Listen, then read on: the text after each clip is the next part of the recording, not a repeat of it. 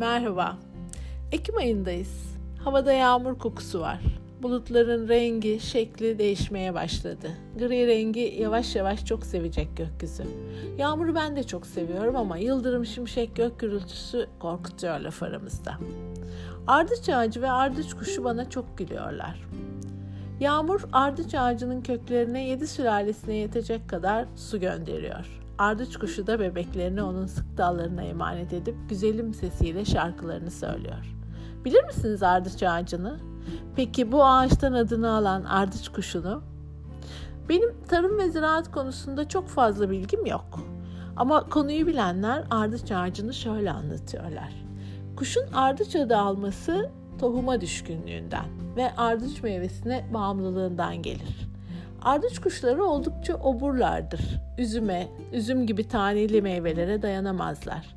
Bağ bozumu zamanlarında onları üzümlerin başında görebilirsiniz. Ardıç kuşlarının keyif alarak yediği ardıç meyvesinin hiç bitmemesi için bu kuşlara ihtiyaç vardır. Ardıç kuşları olmasaydı eğer ardıç meyvelerini rahatlıkla bulamazdık. Ardıç ormanlarının hala var olması, yaşamını sürdürmesi ise bu kuşların sayesindedir. Ardıç kuşları ardıç meyvelerinden yerken tohumlarını da ağacın etrafına dökerler. Ağaç sabırsızlıkla bekler. Tohumları da toplayacak mı kuş diye. Sonuçta kuş tohumları da yer. Ve ağacın ilk üreme işlemi böylece başlamış olur. Ardıç kuşlarının dışkılama yaptıkları yerlerde genellikle ardıç ağaçları çıkmaya başlar. Bu olay her ne kadar şaşırtıcı olsa da kuşların dışkıları gübreleme işinde çok faydalıdır. Kısacası ardıç kuşlarının dışkıları da kendileri gibi değerlidir ve onunla beraber de ardıcın döngüsü başlar. Ardıç kuşu ile ardıç ağacı ayrılmaz iki sevdalı olarak düşünülebilir. Kuş bu meyveyi çok sever, çok tat alarak yer. Ağaç ise kuş o meyveyi yemezse neslini sürdüremez.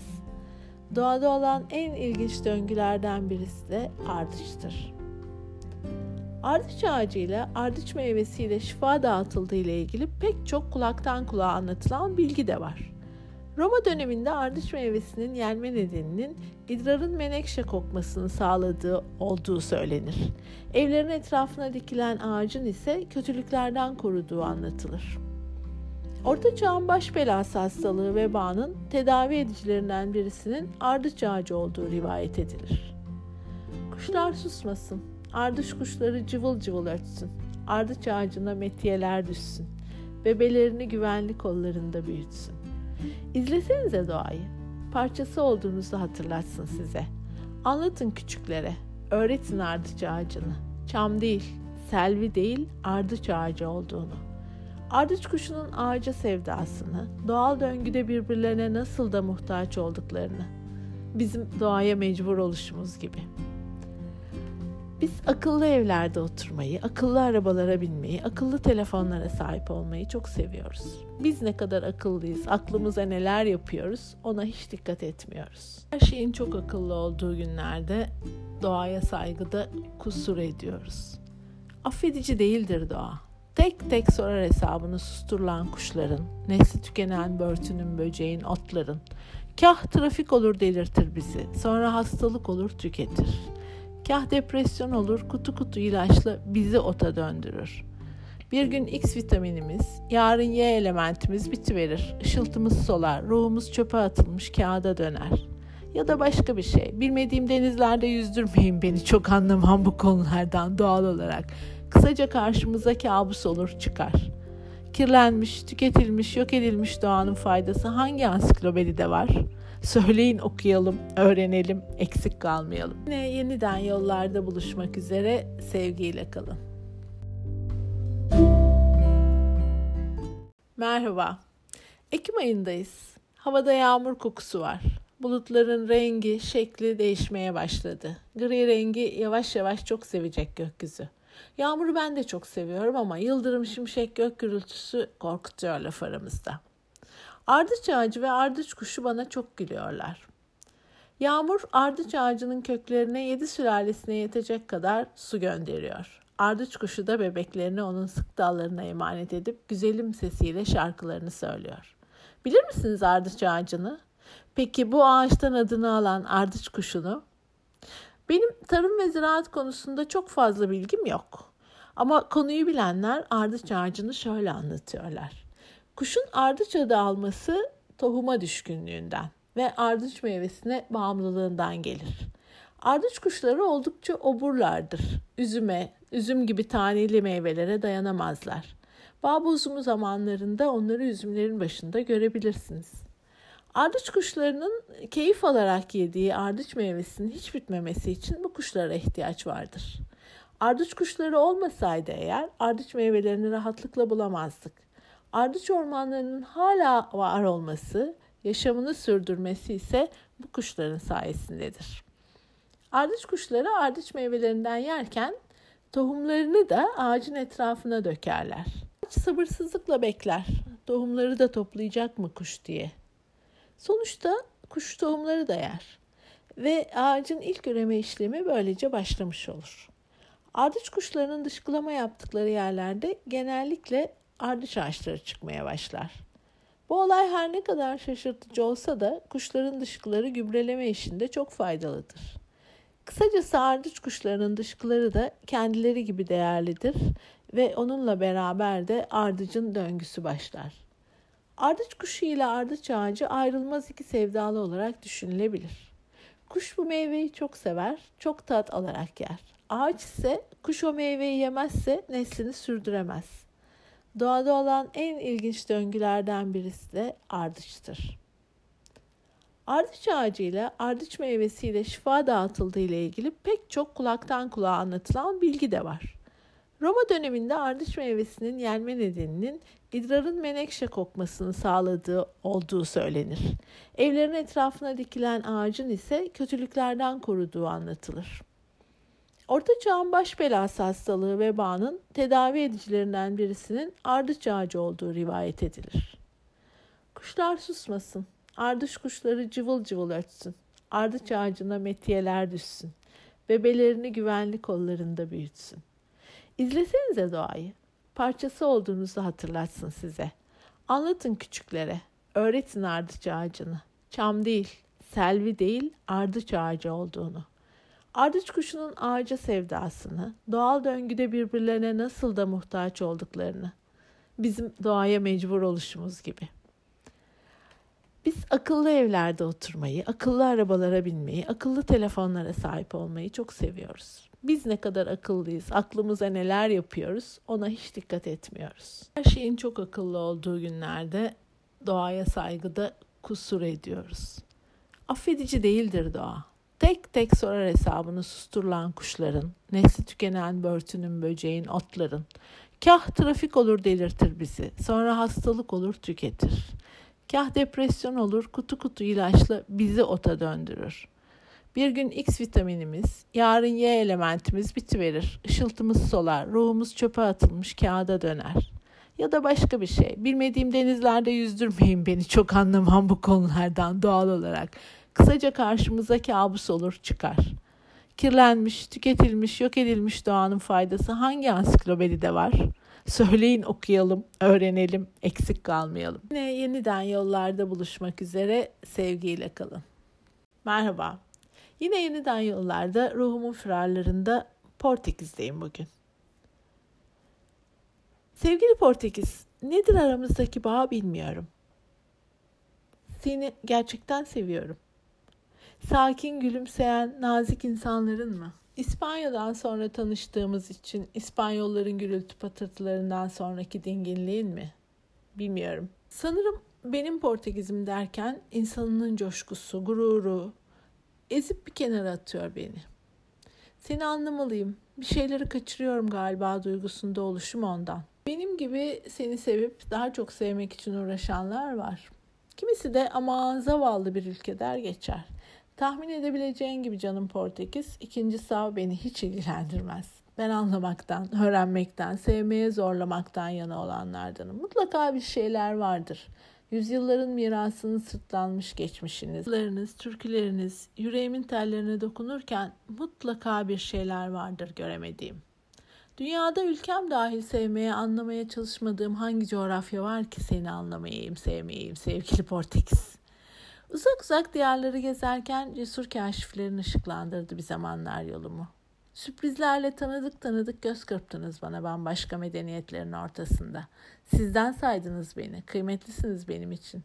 Severim Portekiz içinde olmayı, seninle bütünleşmeyi. Boş ver İspanyolların vıdı vıdısını. Dik bakışlarını uzaklara, kaşiflerin ruhuyla selam ver dünyaya. Bazen şair Fernando Pessoa çıktı karşıma. Şaire merhaba deyince ülkesi deniz ürünleri cenneti pek sevdiğim Portekiz'e de bir selam gönderdim. Yitirmek ülkeleri ve yollara çıkmak bir başkası olmak süresiz. Yalnızca görmek için yaşamaktır köksüz bir ruh olmak. Hiçbir şeye gerek duymadan yollara çıkmak. Gerisi sadece bir göktür, bir de toprak. Şairden aklımda kalan birkaç mısraydı bunlar. Avrupalı gibi duran bir ülke Portekiz. Avrupa'nın en batı ucunda, Atlas Okyanusu kıyısında Avrupa'nın aykırı çocuğu. Aynı apartmanda yaşayan, aynı bahçelerde, aynı okullarda büyüyen, iyi giyimli, üstüne başına dikkatli, temiz pak, saçı başı taralı çocukla üstü başı dağınık, pasaklı çocuk gibi farklı. Komşusu İspanya ne kadar gürültücü patırdıcı ise o aksine sakin, dingin. Yüzyıllar önce sınırların dışındaki yaşamlara meraklı kaşifleriyle, denizlerdeki hakimiyetiyle, yaşadığı acılara karşın ülkesiyle gururlu insanların küçük, sevimli ülkesi. Fado ya da kader. Denizcilerin uzaklara gidenlerin ardından söylenen şarkılar. Sözlerini anlamasak da yüreğimizi uzaklara alır götürür. 2011'de UNESCO Dünya Mirası'na dahil edildiğinde ne mutlu olmuştu, ne gurur duymuştu Portekizliler. Coimbra kentinde erkeklerin söylediği fado, Lizbon'da, Porto'da kadınların söylediği fado ile yarışır durur. Gözlerinizi kapatıp bizi içine çekmesine izin verdiğinizde sözler yoktur artık. Herhangi bir ülkede, belki de sizinkinde anlatılan bir öyküdür sanki. Amelia'nın, Mariza'nın, Anamura'nın, Cesaria Evora'nın, Luis Fernando de Gors'un sesinde gittiği yollardan dönmeyenlere özlenene yakılan anıtlardır. Portekiz'in, Portekizli'nin keşiflerle, istilalarla çeşitlenen geçmişinin tanıklarıdır Fado'nun dizeleri. Yaşının, coşkunun, acının, mutluluğun, özlemin anıtlarıdır.'' Portekiz Avrupa'nın en batısında vahşi doğası, geçmişle bugün arasına sıkışmışçasına ara sokakları, muhteşem meydanları, dillere destan mutfağı, tuttukları takımın maçını izledikleri anlar dışında sakin, dingin insanlarıyla bir keyif ülkesi. Ne kadar doğaldır bir Portekizli için benim Portekiz'im, benim Lizbon'um demek. En güzel ülke Portekizli'nin, en güzel şehir yine Portekiz'deki herhangi bir şehirdir kadar gurur duyar ülkesiyle, o kadar sever. Geçmişi dolu dolu bir ülke Portekiz. Başkenti Lisbon, Tagus Nehri'nin kıyısında önce nehrin ve Atlantik Okyanusu'nun getirdiği ticaretle ta Fenikelilere uzanan bir tarihe sahip. Sonra Arap istilaları, sonra da Portekiz Krallığı'nın başkentine dönüşmüş Yeditepe'li kent. 1755 yılında büyük felaket diye adlandırdıkları deprem, ardından ortaya çıkan tsunami yerle bir etmiş kaşiflerin ganimete boğduğu altın devrini. Kent yeniden inşa edilmiş. Tagus Nehri kıyısında yer alan ticaret meydanı Praça do Comercio bu muhteşem meydanı takip ederek kentin içine doğru giden yollar, bulvarlar bu dönemden kalma. Varşa semtinin iki önemli meydanından birisi Praça de Comercio, diğeri Praça de Rocio. 19. yüzyıldan kalma Nasyonel Tiyatro binası, tren istasyonu bu meydanda yer alıyor. Haydi dalalım sokaklara, selam verelim kaşif ruhlu denizcilere. Gezerken kokusunu, tadını içimize çekelim minnak ülke Portekiz'i Portekizli duyarlılığıyla sevelim. Portekiz'i gezerken naif duygularla, ön yargısız, yalın, coşkulu, sevecen, keyifli, huzurlu duygularla bakmak gerekiyor zannediyorum. Yolculuk bütünleşebilmektir aslında. Dünyada her yerle, herkesle. Algılarımızı açık tutup sevmektir insanı. Sonra doğayı, sonra kendimizi. Yolculuk zor iştir. Keşifse aradığımız kapatmalıyız sanıyorum ön yargılarımızı. Aslında bulunduğumuz coğrafya bize bizi anlatır. Yolculuk paylaşmaktır aslında. Sizi sizinle paylaşmaktır. Sizi gittiğiniz ülkeyle paylaşmaktır. Sizi gittiğiniz içinde bulunduğunuz doğayla paylaşmaktır. Çelişkilerimizi açıklayabilmek, tanımlayabilmektir. Bırakın gittiğiniz coğrafya sizi sizinle paylaşsın.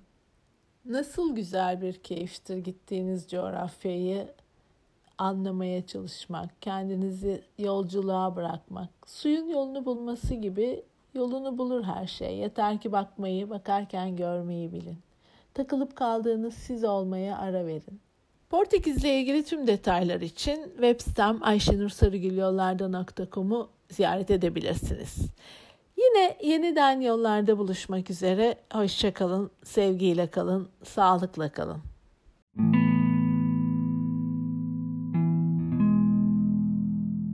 Merhaba. Yine yeniden yollarda ruhumun firarlarında Portekiz'deyim bugün. Sevgili Portekiz, nedir aramızdaki bağ bilmiyorum. Seni gerçekten seviyorum. Sakin, gülümseyen, nazik insanların mı? İspanya'dan sonra tanıştığımız için İspanyolların gürültü patırtılarından sonraki dinginliğin mi?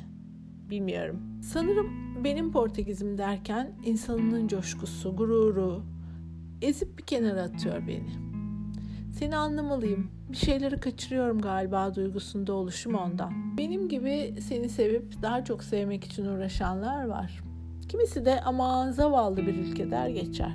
Tahmin edebileceğin gibi canım Portekiz, ikinci sav beni hiç ilgilendirmez. Ben anlamaktan, öğrenmekten, sevmeye zorlamaktan yana olanlardanım. Mutlaka bir şeyler vardır. Yüzyılların mirasını sırtlanmış geçmişiniz, larınız, türküleriniz, yüreğimin tellerine dokunurken mutlaka bir şeyler vardır göremediğim. Dünyada ülkem dahil sevmeye, anlamaya çalışmadığım hangi coğrafya var ki seni anlamayayım, sevmeyeyim sevgili Portekiz? Uzak uzak diyarları gezerken cesur kaşiflerin ışıklandırdı bir zamanlar yolumu. Sürprizlerle tanıdık tanıdık göz kırptınız bana bambaşka medeniyetlerin ortasında. Sizden saydınız beni, kıymetlisiniz benim için. Severim Portekiz içinde olmayı, seninle bütünleşmeyi. Boş ver İspanyolların vıdı vıdısını. Dik bakışlarını uzaklara, kaşiflerin ruhuyla selam ver dünyaya.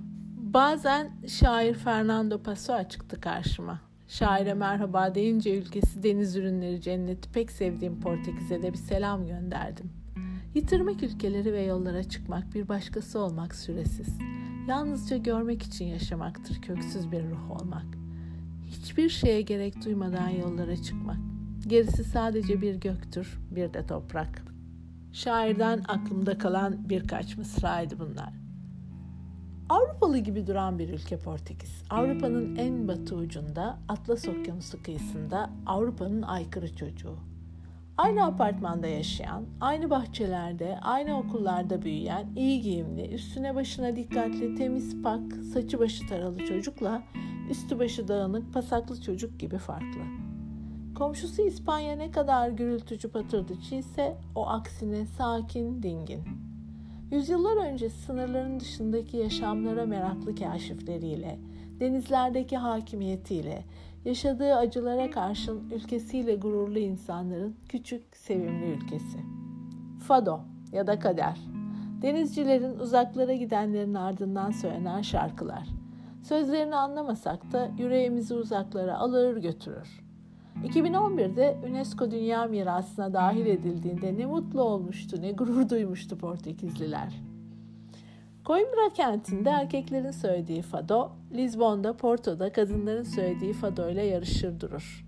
Gözlerinizi kapatıp bizi içine çekmesine izin verdiğinizde sözler yoktur artık. Herhangi bir ülkede, belki de sizinkinde anlatılan bir öyküdür sanki.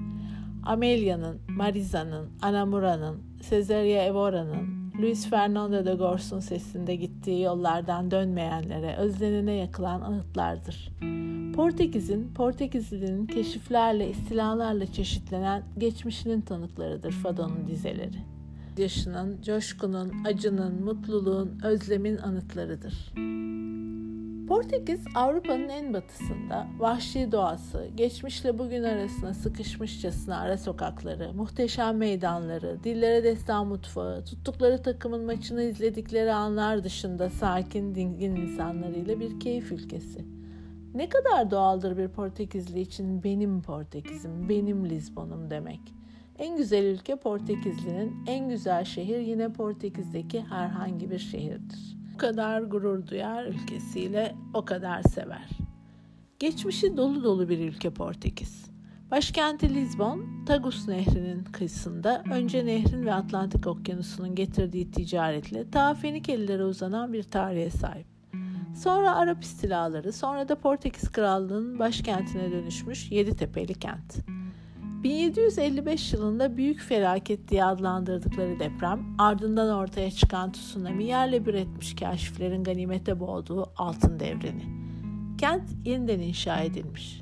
Tagus Nehri kıyısında yer alan ticaret meydanı Praça do Comercio bu muhteşem meydanı takip ederek kentin içine doğru giden yollar, bulvarlar bu dönemden kalma. Başa semtinin iki önemli meydanından birisi Praça de Comercio, diğeri Praça de Rocio. 19. yüzyıldan kalma Nasyonel Tiyatro binası, tren istasyonu bu meydanda yer alıyor. Haydi dalalım sokaklara, selam verelim kaşif ruhlu denizcilere. Gezerken kokusunu tadını içimize çekelim minnak ülke Portekiz'i Portekizli duyarlılığıyla sevelim. Portekiz'i gezerken naif duygularla, ön yargısız, yalın, coşkulu, sevecen, keyifli, huzurlu duygularla bakmak gerekiyor zannediyorum. Yolculuk bütünleşebilmektir aslında. Dünyada her yerle, herkesle. Algılarımızı açık tutup sevmektir insanı. Sonra doğayı, sonra kendimizi. Yolculuk zor iştir. Keşifse aradığımız kapatmalıyız sanıyorum ön yargılarımızı. Aslında bulunduğumuz coğrafya bize bizi anlatır. Yolculuk paylaşmaktır aslında. Sizi sizinle paylaşmaktır. Sizi gittiğiniz ülkeyle paylaşmaktır. Sizi gittiğiniz içinde bulunduğunuz doğayla paylaşmaktır. Çelişkilerimizi açıklayabilmek, tanımlayabilmektir. Bırakın gittiğiniz coğrafya sizi sizinle paylaşsın. Nasıl güzel bir keyiftir gittiğiniz coğrafyayı anlamaya çalışmak, kendinizi yolculuğa bırakmak. Suyun yolunu bulması gibi yolunu bulur her şey. Yeter ki bakmayı, bakarken görmeyi bilin. Takılıp kaldığınız siz olmaya ara verin. Portekizle ilgili tüm detaylar için web sitem ayşenursarıgülyollarda.com'u ziyaret edebilirsiniz. Yine yeniden yollarda buluşmak üzere. Hoşçakalın, sevgiyle kalın, sağlıkla kalın.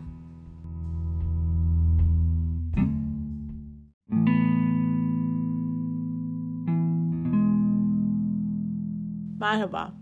Yine yeniden yollarda ruhumun firarlarında Portekiz'deyim bugün. Sevgili Portekiz, nedir aramızdaki bağ bilmiyorum. Seni gerçekten seviyorum. Sakin, gülümseyen, nazik insanların mı? İspanya'dan sonra tanıştığımız için İspanyolların gürültü patırtılarından sonraki dinginliğin mi? Bilmiyorum. Sanırım benim Portekizim derken insanının coşkusu, gururu ezip bir kenara atıyor beni. Seni anlamalıyım. Bir şeyleri kaçırıyorum galiba duygusunda oluşum ondan. Benim gibi seni sevip daha çok sevmek için uğraşanlar var. Kimisi de ama zavallı bir ülke der geçer. Tahmin edebileceğin gibi canım Portekiz, ikinci sav beni hiç ilgilendirmez. Ben anlamaktan, öğrenmekten, sevmeye zorlamaktan yana olanlardanım. Mutlaka bir şeyler vardır. Yüzyılların mirasını sırtlanmış geçmişiniz, türküleriniz, yüreğimin tellerine dokunurken mutlaka bir şeyler vardır göremediğim. Dünyada ülkem dahil sevmeye, anlamaya çalışmadığım hangi coğrafya var ki seni anlamayayım, sevmeyeyim sevgili Portekiz? Uzak uzak diyarları gezerken cesur kaşiflerin ışıklandırdı bir zamanlar yolumu. Sürprizlerle tanıdık tanıdık göz kırptınız bana bambaşka medeniyetlerin ortasında. Sizden saydınız beni, kıymetlisiniz benim için. Severim Portekiz içinde olmayı, seninle bütünleşmeyi. Boş ver İspanyolların vıdı vıdısını. Dik bakışlarını uzaklara, kaşiflerin ruhuyla selam ver dünyaya. Bazen şair Fernando Pessoa çıktı karşıma. Şaire merhaba deyince ülkesi deniz ürünleri cenneti pek sevdiğim Portekiz'e de bir selam gönderdim. Yitirmek ülkeleri ve yollara çıkmak bir başkası olmak süresiz. Yalnızca görmek için yaşamaktır köksüz bir ruh olmak. Hiçbir şeye gerek duymadan yollara çıkmak. Gerisi sadece bir göktür, bir de toprak. Şairden aklımda kalan birkaç mısraydı bunlar. Avrupalı gibi duran bir ülke Portekiz. Avrupa'nın en batı ucunda, Atlas Okyanusu kıyısında Avrupa'nın aykırı çocuğu. Aynı apartmanda yaşayan, aynı bahçelerde, aynı okullarda büyüyen, iyi giyimli, üstüne başına dikkatli, temiz pak, saçı başı taralı çocukla Üstü başı dağınık, pasaklı çocuk gibi farklı. Komşusu İspanya ne kadar gürültücü patırdıcı ise o aksine sakin, dingin. Yüzyıllar önce sınırların dışındaki yaşamlara meraklı kaşifleriyle, denizlerdeki hakimiyetiyle, yaşadığı acılara karşın ülkesiyle gururlu insanların küçük, sevimli ülkesi. Fado ya da kader. Denizcilerin uzaklara gidenlerin ardından söylenen şarkılar. Sözlerini anlamasak da yüreğimizi uzaklara alır götürür. 2011'de UNESCO Dünya Mirası'na dahil edildiğinde ne mutlu olmuştu, ne gurur duymuştu Portekizliler. Coimbra kentinde erkeklerin söylediği fado, Lizbon'da, Porto'da kadınların söylediği fado ile yarışır durur. Gözlerinizi kapatıp bizi içine çekmesine izin verdiğinizde sözler yoktur artık. Herhangi bir ülkede, belki de sizinkinde anlatılan bir öyküdür sanki. Amelia'nın, Mariza'nın, Anamura'nın, Cesaria Evora'nın, Luis Fernando de Gors'un sesinde gittiği yollardan dönmeyenlere özlenene yakılan anıtlardır. Portekiz'in, Portekizli'nin keşiflerle, istilalarla çeşitlenen geçmişinin tanıklarıdır Fado'nun dizeleri. Yaşının, coşkunun, acının, mutluluğun, özlemin anıtlarıdır. Portekiz Avrupa'nın en batısında vahşi doğası, geçmişle bugün arasına sıkışmışçasına ara sokakları, muhteşem meydanları, dillere destan mutfağı, tuttukları takımın maçını izledikleri anlar dışında sakin, dingin insanlarıyla bir keyif ülkesi. Ne kadar doğaldır bir Portekizli için benim Portekiz'im, benim Lizbon'um demek. En güzel ülke Portekizli'nin, en güzel şehir yine Portekiz'deki herhangi bir şehirdir kadar gurur duyar ülkesiyle o kadar sever. Geçmişi dolu dolu bir ülke Portekiz. Başkenti Lisbon, Tagus Nehri'nin kıyısında önce nehrin ve Atlantik Okyanusu'nun getirdiği ticaretle ta Fenikelilere uzanan bir tarihe sahip. Sonra Arap istilaları, sonra da Portekiz Krallığı'nın başkentine dönüşmüş Yeditepe'li kent. 1755 yılında büyük felaket diye adlandırdıkları deprem, ardından ortaya çıkan tsunami yerle bir etmiş kaşiflerin ganimete boğduğu altın devreni. Kent yeniden inşa edilmiş. Tagus Nehri kıyısında yer alan ticaret meydanı Praça do Comercio bu muhteşem meydanı takip ederek kentin içine doğru giden yollar, bulvarlar bu dönemden kalma.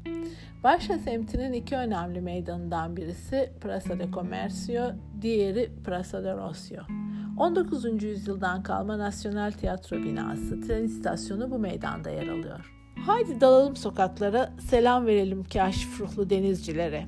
Gezerken kokusunu, tadını içimize çekelim minnak ülke Portekiz'i Portekizli duyarlılığıyla sevelim. Portekiz'i gezerken naif duygularla, ön yargısız, yalın, coşkulu, sevecen, keyifli, huzurlu duygularla bakmak gerekiyor zannediyorum.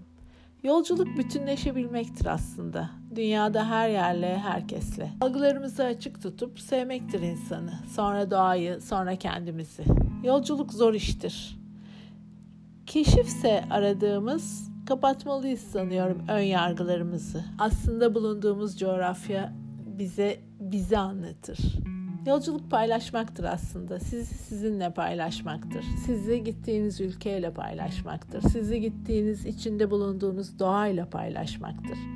Çelişkilerimizi açıklayabilmek, tanımlayabilmektir. Bırakın gittiğiniz coğrafya sizi sizinle paylaşsın.